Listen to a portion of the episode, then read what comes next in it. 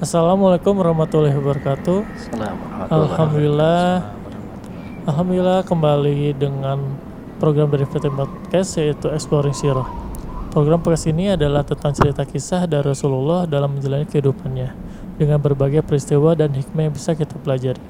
Saya di sini Banu sebagai host di episode kali ini ditemani oleh teman saya Saya Angga. Dan tidak lupa juga dengan gurunda kita yang menceritakan kisah sirah ini yaitu Ustadz Agus Al Muhajir. Assalamualaikum Ustadz. Assalamualaikum warahmatullahi wabarakatuh. Alhamdulillah. Nah, Ustadz kemarin bahas tentang sebelumnya fase dakwah sembunyi-sembunyi ya. Mhm. Nah, untuk episode kali ini apakah masih di fase yang sama atau enggak, Ustadz? Kita masuk ke fase berikutnya ya. Setelah di fase sembunyi-sembunyi ini, uh, masuklah Rasulullah Shallallahu Alaihi Wasallam ke dalam sebuah fase dakwah terang, dakwah terang-terangan begitu nanti Insya Allah.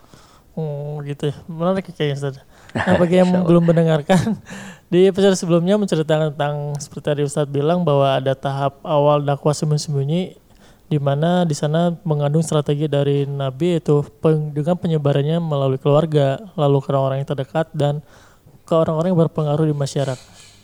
Untuk kelanjutan kisahnya, Vitamin Podcast present Exploring Sirah, The Life of Prophet Muhammad episode ke-6 fase dakwah terbuka bersama Ustadz Agus Al Muhajir.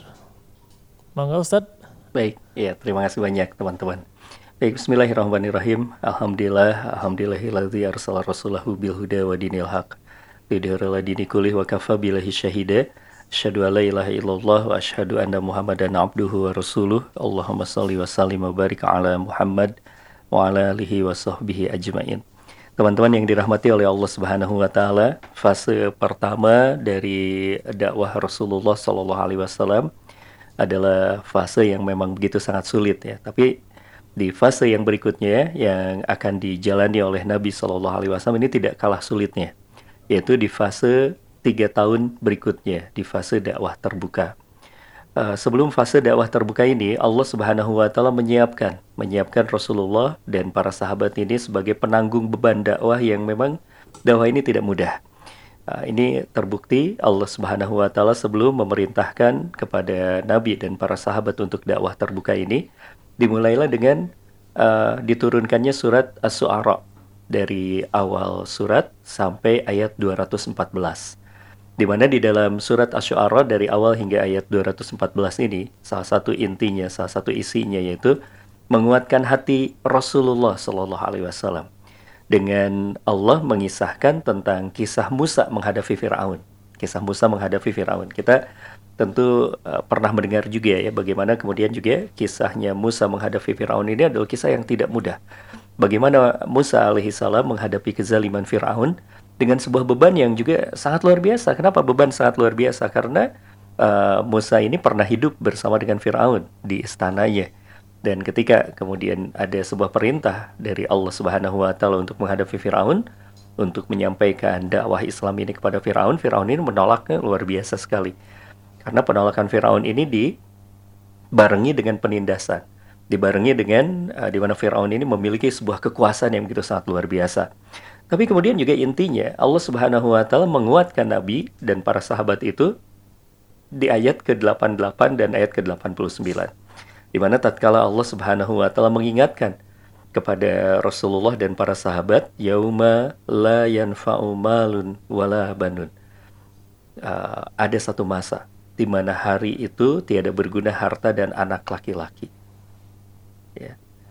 Di mana kalau misalnya kita melihat kisahnya Firaun itu, itu nuansa kesombongannya, nuansa penolakannya itu gara-garanya memiliki harta, memiliki kekuasaan, memiliki keturunan yang banyak. Nah, maka kemudian Allah Subhanahu wa taala mengingatkan tentang kisah Musa ini kepada Rasulullah Shallallahu alaihi wasallam bahwa nanti ada kekuasaan Allah yang akan tegak. Nah, ini di, disiapkan oleh Allah Subhanahu wa taala di jiwanya Rasulullah dan di jiwanya para sahabat bahwa apa pun yang akan terjadi di fase dakwah terang-terangan ini ya uh, adalah satu hal yang nanti akan dibalas oleh Allah. Kekuasaan yang ada di dunia itu akan runtuh kezaliman yang ada di dunia itu akan runtuh nanti berganti dengan kekuasaannya Allah Subhanahu wa taala. Sampailah kepada surat uh, Asy-Syu'ara ayat ke-214 di mana Allah Subhanahu wa taala menyampaikan sebuah kalimat kepada Nabi Shallallahu alaihi wasallam wa anzir ashiratakal akrabin dan berilah peringatan kepada kerabat-kerabatmu yang terdekat. Dan diperkuat juga bersamaan dengan ayat itu, turun pula surat Al-Hijr ayat ke-94. Fasda' bima tu'maru wa'arid anil musyrikin.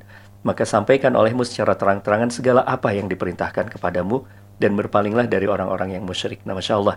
Jadi ini disampaikan ya oleh Allah Subhanahu wa taala sekaligus menguatkan bahwa yang namanya dakwah fase-fase dakwah dalam kehidupan Rasul adalah fase dakwah yang juga dipandu oleh Allah Subhanahu wa taala. Masya Allah. Dia bukan hanya sekedar keinginan Nabi, tapi juga ada panduan dari Allah Subhanahu wa taala. Nah, selepas uh, ayat ini turun, dua ayat ini turun, apa yang dilakukan oleh Rasulullah Sallallahu alaihi wasallam? Rasulullah naiklah ke Bukit Sofa, menyeru kepada Bani Fihar, menyeru kepada Bani Adi, menyeru kepada semua suku Quraisy pada saat itu, ya yang di atas bukit sofa inilah ada sebuah dialog yang begitu sangat luar biasa. Di mana Rasulullah Shallallahu Alaihi Wasallam berteriak di tengah umat itu, di tengah suku Quraisy itu. Apa yang diteriakkan oleh Rasulullah Shallallahu Alaihi Wasallam, beliau bersabda, apa yang uh, pendapat kalian? Apa pendapat kalian? Jika aku kabarkan bahwa di lembah sana, di balik bukit ini, terdapat pasukan berkuda yang akan menyerang kalian, apakah kalian akan mempercayaiku? Begitu ujar Rasulullah Shallallahu Alaihi Wasallam. Dan apa jawaban dari orang-orang Quraisy pada saat itu? Orang-orang Quraisy itu menjawab dengan sebuah jawaban yang ini menunjukkan kredibilitas Nabi yang begitu sangat tinggi. Jawaban dari orang-orang Quraisy pada saat itu adalah, ya, kami belum pernah menyaksikan Anda berdusta sekalipun, ya Muhammad. Masya Allah, ini sekaligus menguatkan kita bahwa uh, modal dari Nabi Shallallahu Alaihi Wasallam itu adalah kejujurannya, ya kejujurannya karena beliau dikenal di tengah masyarakat itu sebagai al amin, seorang yang sangat terpercaya, jujur terpercaya, kredibilitas yang begitu sangat mulia, ya, kredibilitas yang begitu sangat tinggi. Taib. Nah selepas itu Kemudian Rasulullah Shallallahu Alaihi Wasallam baru menyampaikan, nah, ini kan umat sudah mengakui nih, kalau dalam teori komunikasi ini ini udah wah luar biasa ini ya uh, sudah diakui kredibilitasnya berarti seharusnya kan apa yang dikatakan itu akan terus diterima. Lalu kemudian Nabi Shallallahu Alaihi Wasallam bersabda berkata kepada mereka bahwa aku adalah seorang nabi dan rasul yang menyampaikan kepada kalian peringatan tentang ada negeri akhirat begitu ya. Nah baru pada saat itu kemudian tampillah yang namanya Abu Lahab tampillah yang namanya Abu Lahab yang kemudian Abu Lahab ini uh, mengolok-ngolok menentang, mentertawakan, bahkan dia berkata, "Ya Muhammad, wahai engkau uh, anak pamanku, anak paman kami. Uh, untuk inikah engkau mengumpulkan kami semuanya di sini?" Gitu ya. Celaka engkau wahai Muhammad, masya Allah. Nah, ini yang di, di, dikatakan oleh Abu Lahab itu uh, apa melaknat Nabi, melaknat Nabi dengan uh, sebuah kabar tentang kenabian, kerasulan dan tentang negeri akhirat itu. Nah, inilah yang kemudian direspon oleh Allah Subhanahu wa taala. Ini sekaligus juga satu hal ya cara berpikir kita kita bisa sambungkan bahwa fase dakwah terang-terangan ini adalah diperintahkan juga oleh Allah Subhanahu wa taala, maka Allah yang membela. Ketika nabi dicaci maki seperti itu, Allah yang turun membela. Apa yang dilakukan oleh Allah Subhanahu wa taala? Allah Subhanahu wa taala menurunkan satu surat. Apa satu suratnya itu? Abu Lahab, uh, surat Al-Lahab itu. Ya, surat Al-Lahab Allah menurunkan surat Al-Lahab itu. Ya, jadi tidak perlu Nabi Shallallahu alaihi wasallam membela dirinya ya, tetapi kemudian Allah Subhanahu wa taala yang langsung turun tangan dengan kemudian menurunkan surat Al-Lahab itu Masya Allah ini adalah salah satu bentuk dukungan dari Allah Subhanahu wa taala kepada Nabi bahwa yang disampaikannya itu adalah dakwah ilallah, yang disampaikannya itu adalah kebenaran, maka ketika yang disampaikannya itu adalah kebenaran Allah yang akan terus senantiasa menyertai dakwah Nabi Shallallahu Alaihi Wasallam. Masya Allah. Nah, uh, teman-teman yang dirahmati oleh Allah Subhanahu Wa Taala, ternyata yang namanya tantangan ini tidak berhenti di situ saja, ya tidak berhenti di situ saja. Ternyata tantangannya masih terus banyak sekali yang terjadi, termasuk juga setelah setelah uh, Abu Lahab ini memaki-maki Nabi, itu ternyata diikuti. Ya, diikuti oleh orang-orang Arab Quraisy pada saat itu. Orang Quraisy pada saat itu melakukan ejekan, hinaan, olok-olokan dan penertawaan. Ya, diceritakan di dalam surat Al-Hijr ayat ke-6 misalnya ya, berkata bahwa inna kalama junun. Nah, ini kamu benar-benar orang gila, disebutlah gila. Kemudian juga disebut di dalam surat Sod ayat keempat ya, ada sebutannya itu adalah sahirun kazab. Engkau adalah ahli sihir yang banyak berdusta, begitu disampaikan oleh orang-orang itu. Ya, hinaan kepada nabi, hinaan kepada para sahabat. Bahkan Bahkan kemudian juga di dalam surat Al-Mutaffifin, Al-Mutaffifin ayat ke-29 hingga ayat ke-33, mereka memaki-maki Rasulullah dan para sahabat dengan maki-makian yaitu uh, zolun. Zolun ini adalah orang-orang sesat. Mereka tersesat. Mereka sambil tertawa juga ya. Innalladzina ajramu kanu minalladzina amanu eh, yadhakun. Sesungguhnya orang-orang yang berdosa adalah mereka yang dahulu mentertawakan orang-orang beriman. Jadi kalau misalnya ada orang beriman lewat, itu orang-orang itu mengedip-ngedipkan mata sambil ketawa, tuh ya. Sambil mereka berkata tuh lihat tuh orang-orang sesat tuh lewat tuh, orang sesat lewat, masya Allah. Itu adalah hinaan yang begitu sangat luar biasa. Itu adalah satu hal yang tidak pernah dialami oleh Rasulullah Sallallahu Alaihi Wasallam sebelumnya, begitu ya. Uh, Muhammad orang yang begitu sangat dimuliakan, yang ketika berdiri di atas bukit sofa, lalu umatnya berkata, orang-orang Quraisy itu berkata bahwa uh, aku tidak pernah Uh, menyaksikan kalian kalian atau kami tidak pernah menyaksikan engkau sedikit pun berdusta ya Muhammad. Tapi kemudian setelah itu mereka memaki-maki Rasulullah Shallallahu Alaihi Wasallam dengan maki-makian yang seperti itu. Dikatakan sesat dikatakan gila dikatakan tukang sihir gitu masya Allah itu dan uh, itu tidak berhenti di situ saja bahkan kemudian juga mereka mulai menjelek-jelekan ajaran ya kalau yang tadi itu adalah pribadi-pribadi yang diserang yang berikutnya mereka menjelek-jelekan ajaran Islam, membangkitkan keraguan. Orang-orang kafir ini berkata, ah, Inna hadza ila ifkun iftarohu wa anahu alaihi qaumun akharun. Orang-orang kafir itu berkata Al-Quran ini tidak lain hanyalah kebohongan yang diadakan oleh Muhammad. Jadi Al-Qurannya diserang ya. Kemudian setelah itu dikatakanlah Al-Quran ini dongengan-dongengan orang terdahulu. Wa qalu asaltirul awwalin mereka berkata dongengan-dongengan orang yang terdahulu ini hanya dongengan saja, bukan wahyu. Ini bohong lah begitu ya. Bahkan kemudian beliau uh, mereka nih mengejek ter termaktub tertulis di dalam Al-Furqan ayat ke-7. Wa qalu ma li rasul ya'kulu ta'am wa yamsi fil aswaq. Gitu ya. Mereka berkata bahwa mengapa rasul itu yang mengaku rasul itu memakan makanan sama dengan kita berjalan di atas pasar-pasar sama kayak kita gitu ya. Masya Allah. Nah puncak penentangan mereka ini dilakukan oleh An-Nazar bin Al-Haris. Yang An-Nazar bin Al-Haris ini dia pergi ke Hirah untuk mempelajari kisah-kisah Persia. Perkataan-perkataannya Rustum, perkataan Asfandiar. Lalu kemudian juga uh, menyewa ya, menyewa penyanyi-penyanyi dari kalangan hamba sahaya yang dihadiahkan bagi siapa pun yang menyatakan tidak mau mendengar Rasulullah. Nah itu itu uh, dilakukan terus oleh An-Nazar bin Al-Haris ini. Jadi An-Nazar ini menguntil ya bahasanya atau menguntit Nabi. Jadi ketika Nabi selesai membacakan Quran, An-Nazar bin Al-Haris ini mengatakan bahwa aku punya, punya cerita yang lebih ramai lagi. Diceritakanlah kisah-kisah Persia, diceritakanlah tentang kisah-kisah Rustum Asfandiar dan kemudian juga uh, ditampilkanlah para penyanyi untuk kemudian penyanyi ini membuat kacau ya membuat kacau konsentrasi, melupakan pengajaran Nabi, membuat lalai dan terpaling dari apa yang disampaikan oleh Nabi. Yang ini diabadikan oleh Allah di dalam surat Luqman ayat ke-6. Wa minan nasi may yashtari lahwal hadis liyudilla al sabilillahi bighairi ilm wa yattakhidaha huzwa ulaika lahum azabun muhin. Dan di antara manusia ada yang mempergunakan perkataan yang tidak berguna tadi ya. Lahwal hadis berupa dongeng, berupa nyanyian, musik gitu ya untuk menyesatkan manusia dari jalan Allah tanpa pengetahuan dan menjadikan uh, jalan Allah itu alok-alokan. Nah, kata Allah Subhanahu wa taala, "Ulaika lahum adzabun muhin." Mereka itulah yang akan mendapatkan azab yang sangat menghinakan, ya. Nah, uh, terakhir ya setelah kemudian digoda seperti itu, dihalangi seperti itu, ternyata uh, dakwah Islam ini masih terus saja berlanjut dakwah Islam ini masih terus saja ya eh, berjalan. Nabi dan para sahabat tidak berhenti.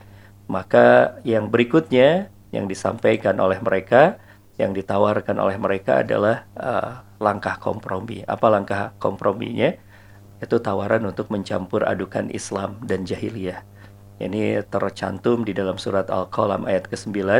waddu lau tadhinu fayudhinun maka mereka menginginkan supaya engkau bersikap lunak mereka lantas akan bersikap lunak pula kepadamu karena ini permusuhannya terus menerus begitu ya lalu mereka mengatakan udahlah uh, kita campur adukan saja Ibnu Jarir atau Bari meriwayatkan bahwa kaum musyrikin ini menawarkan agar Nabi ini menyembah berhala mereka setahun dan mereka menyembah Allah selama setahun kemudian ya Nah ini Allah menjawabnya dengan surat Al-Kafirun. Langsung Allah lagi yang turun, bukan Nabi yang turun.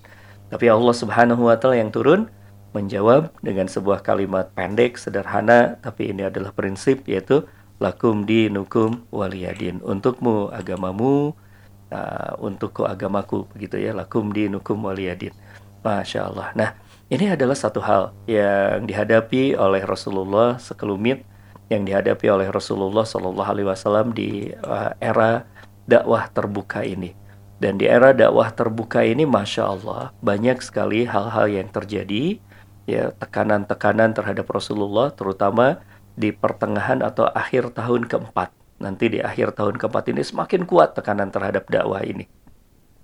Semakin kuat terhadap uh, dakwah ini tekanannya. Sudah ada peristiwa keluarga Yasir, di mana kemudian uh, Sumayyah menjadi syahidah yang pertama. Ada Mus'ab bin Umair yang diikat oleh ibunya dipasung oleh ibunya lalu melarikan diri pergi ke Rasulullah ya diusir dari rumahnya. Ini Mus'ab bin Umar.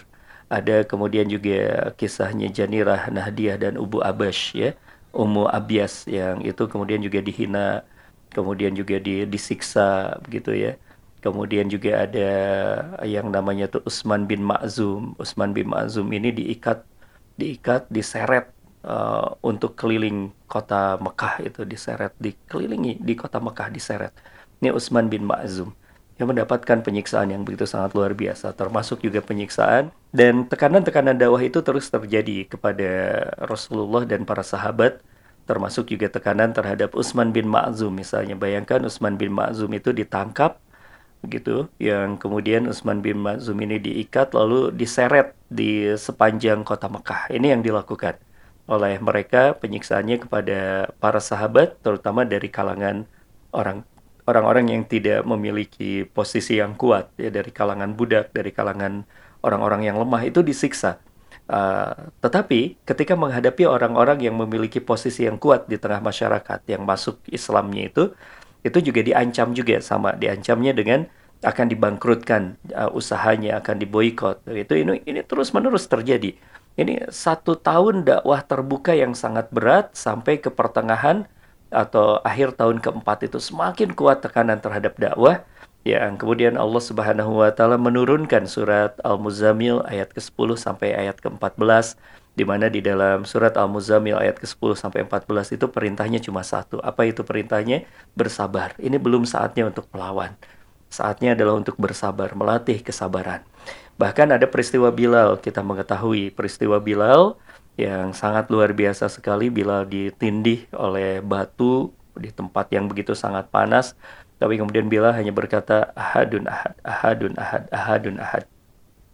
Tapi yang menariknya adalah di kasus Bilal ini, dari mulai kasus Bilal ini terjadi, mulailah dipelopori sebuah gerakan. Ada sebuah strategi pergerakan yang dipelopori nantinya itu oleh Abu Bakar, di mana Abu Bakar mempelopori gerakan pembebasan budak. Jadi umat Islam yang kasusnya itu atau yang statusnya masih budak yang uh, sudah masuk Islam itu berupaya dibebaskan ya dibebaskanlah oleh Abu Bakar dibebaskanlah oleh Utsman bin Affan dibebaskanlah oleh uh, beberapa orang yang memang sudah memiliki atau banyak ya memiliki harta itu kemudian dilakukan gerakan pembebasan ini sampai kemudian masya Allah Allah Subhanahu Wa Taala memuji Abu Bakar. Memuji Abu Bakar memuji hartanya Abu Bakar di surat Al-Lail ayat ke-17 hingga 21 baik itu saja dulu mungkin ya sebagai satu awalan untuk kita di fase uh, dakwah terbuka ini masih panjang.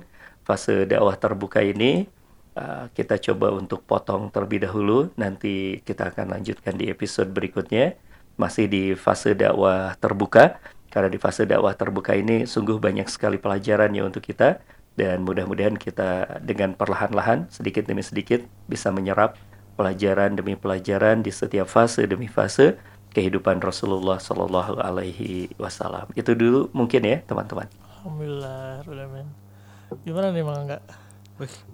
Masya Allah ternyata eh, terbayang ya kondisi dakwah pada zaman itu yang sebegitu berat gitu.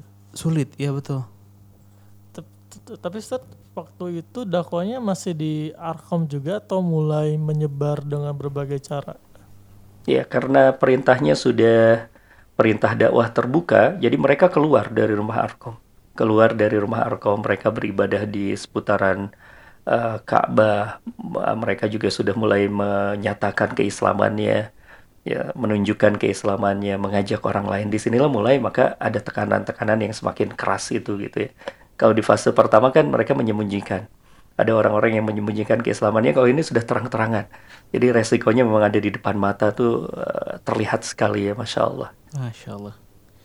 Yang buat saya menarik itu Ustaz, uh, kalau kita ngobrolin Islam sebagai uh, sesuatu ajaran yang dibawa oleh Rasulullah.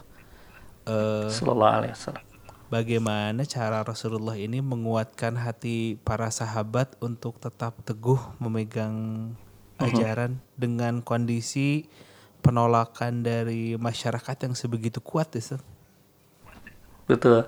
Ini ya makanya menarik ketika kita melihat ya tadi baru sekilas kan. Hmm baru sedikit saja tentang bagaimana dakwah terbuka ini dihadapi oleh Rasulullah dan para sahabat. Itu di setiap poin, kalau misalnya kita perhatikan, di setiap poin tersebut ada sebuah momen di mana Allah menurunkan ayatnya, hmm. di mana Allah menurunkan surat. Nah, ini satu hal yang langsung akan menguatkan, akan menguatkan Nabi dan para sahabat. Nah ini sekaligus juga sebuah refleksi buat kita ya teman-teman. Hmm kan kadang-kadang kita juga ketika menghadapi banyak kesulitan dalam kehidupan kita kan kita nyari pegangan nih. Apa yang bisa membuat kita kuat ini. Dan kalau kita ingin kuat tidak ada jalan kekuatan kita kecuali kita merapat kepada Al-Quran. Kita membaca Al-Quran kita menyerap kekuatan itu dari Al-Quran seperti yang dilakukan oleh para sahabat di generasi awalun itu di mana mereka mendapatkan kekuatan itu justru dari ayat-ayat yang langsung diturunkan hitobnya kepada mereka, ditujukan kepada mereka sehingga mereka mampu untuk menjalani itu semuanya ya Masya Allah. Begitu Nah kita nih kadang-kadang ya lupa kita ada masalah nggak ngedeket ke Quran malah ngejauh dari Quran kan? Main game jalan-jalan gitu. Nah, ini ya nggak selesai. Nggak selesai persoalannya kita gitu ya. Padahal dari dari sirah Nabawi ini kita sudah tahu bahwa jalan keluar dari segala permasalahan itu sebetulnya sudah ada dalam Al-Qur'an maksudnya. Betul. Dan yang paling menarik adalah kan nama dari Al-Qur'an itu Ar-Ruh. Al-Qur'an itu adalah ruh. Dan kalau kita kan sedang sedih tadi ya, sedang ada persoalan itu kan yang terpengaruh tuh ruh kita. Hmm. sedih itu kan bukan fisik kan, tapi ruh kita. Nah, bagaimana kemudian mengobati vis, mengobati ruh kita ya kita harus berdekatan dengan ar-ruh yang uh, kita maknai salah satunya sebagai nama lain dari Al-Qur'an. Ketika kita menghadapi kegelapan di dalam kehidupan kita kan kita membutuhkan cahaya. Maka kemudian Al-Qur'an juga dinamakan oleh Allah sebagai An-Nur, sebagai cahaya. Tatkala kita misalnya ada persoalan-persoalan dan kita membutuhkan petunjuk, membutuhkan bimbingan gitu ya kita sedang bingung nih menghadapi masalah aduh ini bingung ngapain nih? Allah kan juga menamakan Al-Quran ini sebagai apa? Al-Huda sebagai petunjuk begitu ya. Dari situlah kemudian kita uh, semakin menguatkan lah bahwa harus dekat kita dengan Al-Quran Al-Quran yang akan membuat kita tenang Al-Quran yang akan menjadi jalan cahaya kita Al-Quran yang akan mengeluarkan kita ya sebagai wasilah tuh mengeluarkan kita dari uh, rumetnya hidup, rumitnya hidup, mumetnya hidup ke dalam jalan yang begitu sangat uh, menenteramkan, mengokohkan, menguatkan kita. Begitu. Masya Allah. Terus saya juga ingat um, episode sebelumnya kan tentang fase dakwah tuh materinya lebih ke maksudnya waktu itu Nabi memberikan uh, dakwahnya itu tentang tauhid ya. Ya, tentang nah, di fase ini apakah tetap tauhid juga atau mulai ke mana Ustaz? Iya. Kalau misalnya kita melihat materi materi dakwahnya di fase Mekah, ini kan baru Kita masih uh, bercerita tentang dakwah di Mekah ya. Dakwah di Mekah ini memang Rasulullah dan para sahabat ini masih menyampaikan uh, materi-materi uh, tentang tauhid. Materi-materi tentang tauhid nanti ketika di Madinah baru uh, semakin banyak materi dakwahnya Nabi Shallallahu Alaihi Wasallam dan para sahabat ini. Tapi untuk di fase Mekah ini uh, tetap ini penguatan tentang tauhid, penyampaian uh, penyampaian bahwa Allah itu asa, Allah itu satu, Allah itu satu-satunya yang harus dijadikan ilah yang mereka uh, tidak suka dengan ini semuanya ya. Itu yang pertama aman tuh bila kemudian juga ada kehidupan akhirat mereka sampaikan semacam itu. Tapi mereka juga tidak tidak tidak tidak suka dengan itu semuanya. Alhamdulillah alamin. Aduh Ustaz.